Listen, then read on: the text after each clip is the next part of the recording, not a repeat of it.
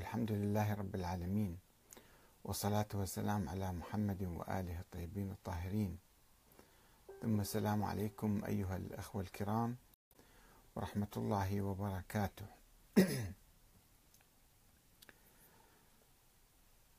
المراجع وأسطورة التخصص في الدين. لماذا يفتي بعض المراجع بغير ما أنزل الله وخلافا للعقل والعلم. المراجع وأسطورة التخصص في الدين. لماذا يفتي بعضهم بغير ما أنزل الله تعالى وخلافا للعقل والعلم؟ في موضوعنا اليوم عده أمور. اولا المرجعية الدينية المتعارف عليها آه، بين الشيعة هذه الأيام أو هذه القرون آه، هذه ليست مقدسة من الله. آه، ليس المراجع ليسوا أنبياء ولا أئمة معصومين. هم رجال درسوا الفقه وقد يصيبون في آرائهم وقد يخطئون. وهم يختلفون فيما بينهم أيضا وربما حتى كل مرجع أو كل فقيه له رأي في بداية حياته وله آراء أخرى طوال الحياة. يعني قد يغير رأيه. فإذا فتاواهم ليست مقدسة وهم لا يعبرون عن حكم الله تعالى إنما أحكام ظنية. وهذه المرجعية تطورت عبر الزمن. لم تكن بهذه الصورة الآن هي أشبه بالقيادة. السياسية للشيعة مثلا ومرجع أعلى للشيعة هذا لم ينزل به الله من سلطان. آه الله سبحانه وتعالى لم يضع شخصا باسم الدين آه قائدا للأمة الإسلامية أو قائدا للشيعة مثلا. هذا عادة عرف عرف صار وجرى ونتيجة لظروف آه تاريخية وفكرية قديمة. الشيعة الإمامية كانوا يعتقدون بسلسلة أئمة معينين هم الأئمة العلويين الحسينيين. وصلت إلى طريق مسدود في منتصف القرن الثالث الهجري. وقال بعضهم بعض الشيعة فريق من 14 فريق بوجود ولد للإمام العسكري غائب ومستور وما شفناه وما نعرفه. وسوف يظهر في المستقبل. ثم تكونت الفرقة الاثنى عشرية الاثنى عشرية في القرن الرابع الهجري. وهؤلاء العلماء الكليني الصدوق الطوسي المفيد المرتضى النعماني الذين نظروا لهذه الفرقة الاثنى عشرية ليسوا معصومين. وليسوا بالضرورة هم كانوا يعبرون عن فكر أهل البيت. هي فرقة جديدة نشأت في القرن الرابع الهجري. وانطوت على غلو وانطوت على خرافات وانطوت على أساطير وانطوت على أشياء أخطاء كثيرة. وسار عليها الناس منذ ذلك الحين إلى اليوم. ألف سنة الآن. ألف سنة والناس يعتقدون هؤلاء العلماء العظام الذين نظروا لهذه الفرقة. طيب المذاهب الأخرى أيضا لديها علماء عظام. الأديان الأخرى أيضا لديها علماء عظام. فمن يقول أن هؤلاء العلماء المشايخ مشايخ الطائفة الذين نظروا والمراجع اللي إجوا بعدهم كلهم على الحق مية بالمية وماشيين صحيح ويعني هم على خط أهل البيت. من يقول أنهم هم على خط أهل البيت؟ من, هم من, من يقول أنهم على خط الإسلام الصحيح؟ صحيح أن إحنا لا نكفرهم. ولا نفسقهم ولا نضللهم اجتهدوا. وقالوا بعض الآراء وبعض المسائل. واليوم عندنا صايرة قيادة دينية سياسية.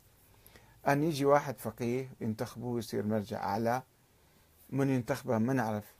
كيف ينتخبوهم ما نعرف. مرة واحدة يطلع واحد يصير مرجع أو مراجع عديدون.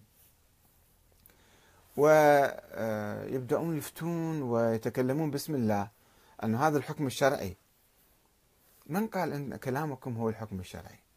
هذا رأيكم. رأي ظني. قد يكون على خطأ. فهذه النظرية نظرية المرجعية معروضة للنقاش الآن. معروضة للحوار بين مثقفي الشيعة بين عامة المسلمين. أن هاي نظرية آه، يعني وطريقة الإفتاء طريقة إفتاء المراجع. عندما تناقشهم في مسألة يقول لك يعني أنتم من وين إجت شرعيتكم؟ يقولون من العقل لأنه ما عندهم نص ما عندهم لا آية قرآنية ولا حديث نبوي ولا حديث ثابت صحيح من الأئمة آه، من أئمة أهل البيت. إنما نشأت المرجعية في ظل غياب الأئمة بعد انقطاع سلسلة الأئمة. رواة حديث ثم قالوا بالاجتهاد بعد ذلك بضرورة الاجتهاد وبدأوا يجتهدون. وحرموا التقليد في البداية ثم أجازوا التقليد ثم أوجبوا التقليد ثم العلماء نفسهم بدأوا يقلدون ما يسمون بالمراجع الآن. 99% منهم مقلدين. يقلدون السابقين. لا يجتهدون. لا في العقيدة ولا في الأصول ولا في الرجال ولا في التاريخ ولا في كثير من الأمور الضرورية للإفتاء. وينصب نفسه كل واحد يجي ينصب نفسه يقول لك أنا صرت مرجع. أو مرجع أعلى ويبدأ يفتي. طيب هذه الفتاوى عندما تناقش فيها أنه هذه فتاوى مثلا غير صحيحة يقول لك لا أنت أنت قلد وامشي ما عليك لا تسأل لا تناقش لا تبحث. هل عينهم الله علينا مراجع؟ المرجعية جاية من الله؟ لا ما جاية من الله. إذا جاية من العقل يقولون مثل ما المريض يراجع الطبيب. طيب إذا شفنا هذا الطبيب ما يفتهم. أو مخطئ أو كذا. هم نراجعه هم نظل يعني نشلب به إلى آخر حياته. أو نحاول نبحث في هذه المسائل. المراجع لا نعمم. فيهم ناس مجتهدين باحثين محققين. آه، في بعض الأمور يعني وليس في مجتهد مجتهد مطلق ما عندنا أصلا. مجتهد في العقيدة وفي التاريخ وفي الأصول وفي الرجال وفي الفقه هذا ما موجود. صدقوني ما موجود. ابحثوا شوفوا الآن. روحوا شوفوا واحد واحد من المراجع المعروفين من المشايخ. يمكن باحث لا تشوفون الدعاية والإعلام والقوة والسلطان اللي عنده. لا شوفوا اسألوه ابحثوا هذا شنو؟ آآ آه، آآ آه، كلامك. آه، أنا أعتذر دقيقة حتى. أربط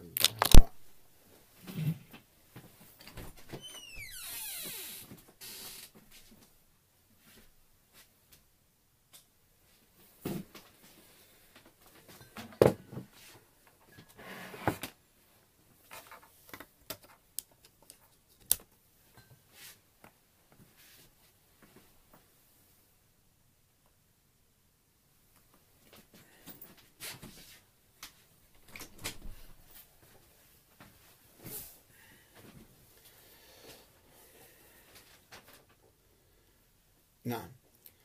آه، فالمراجع يعني في ناس محققين بصورة نسبية بصورة نسبية في بعض الأمور في الفقه أو في الرجال أو في الأصول وأكثرهم يقلدون في الأصول.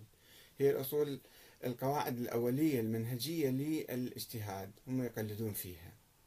وأيضا في التاريخ في العقيدة أكثرهم يبحثون يقلدون. إذا هو مقلد في العقيدة فكل ما يبني على ذلك يصبح يعني واهي يصبح تقليد في تقليد وليس آه، اجتهادا وليس يعني علما حقيقيا.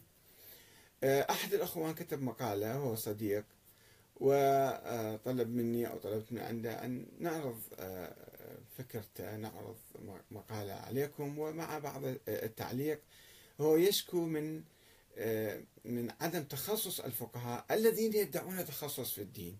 وفي أمور كثيرة بحاجة إلى آه، مراجعة وإلى تحقيق وهو آه، وهم يعني بعض هؤلاء المراجع لا لم يحققوا ولم يبحثوا. فيدعو إلى آه، ضرورة التخصص. ويقول من هو المتخصص؟ هؤلاء المراجع أم العلماء في مختلف العلوم؟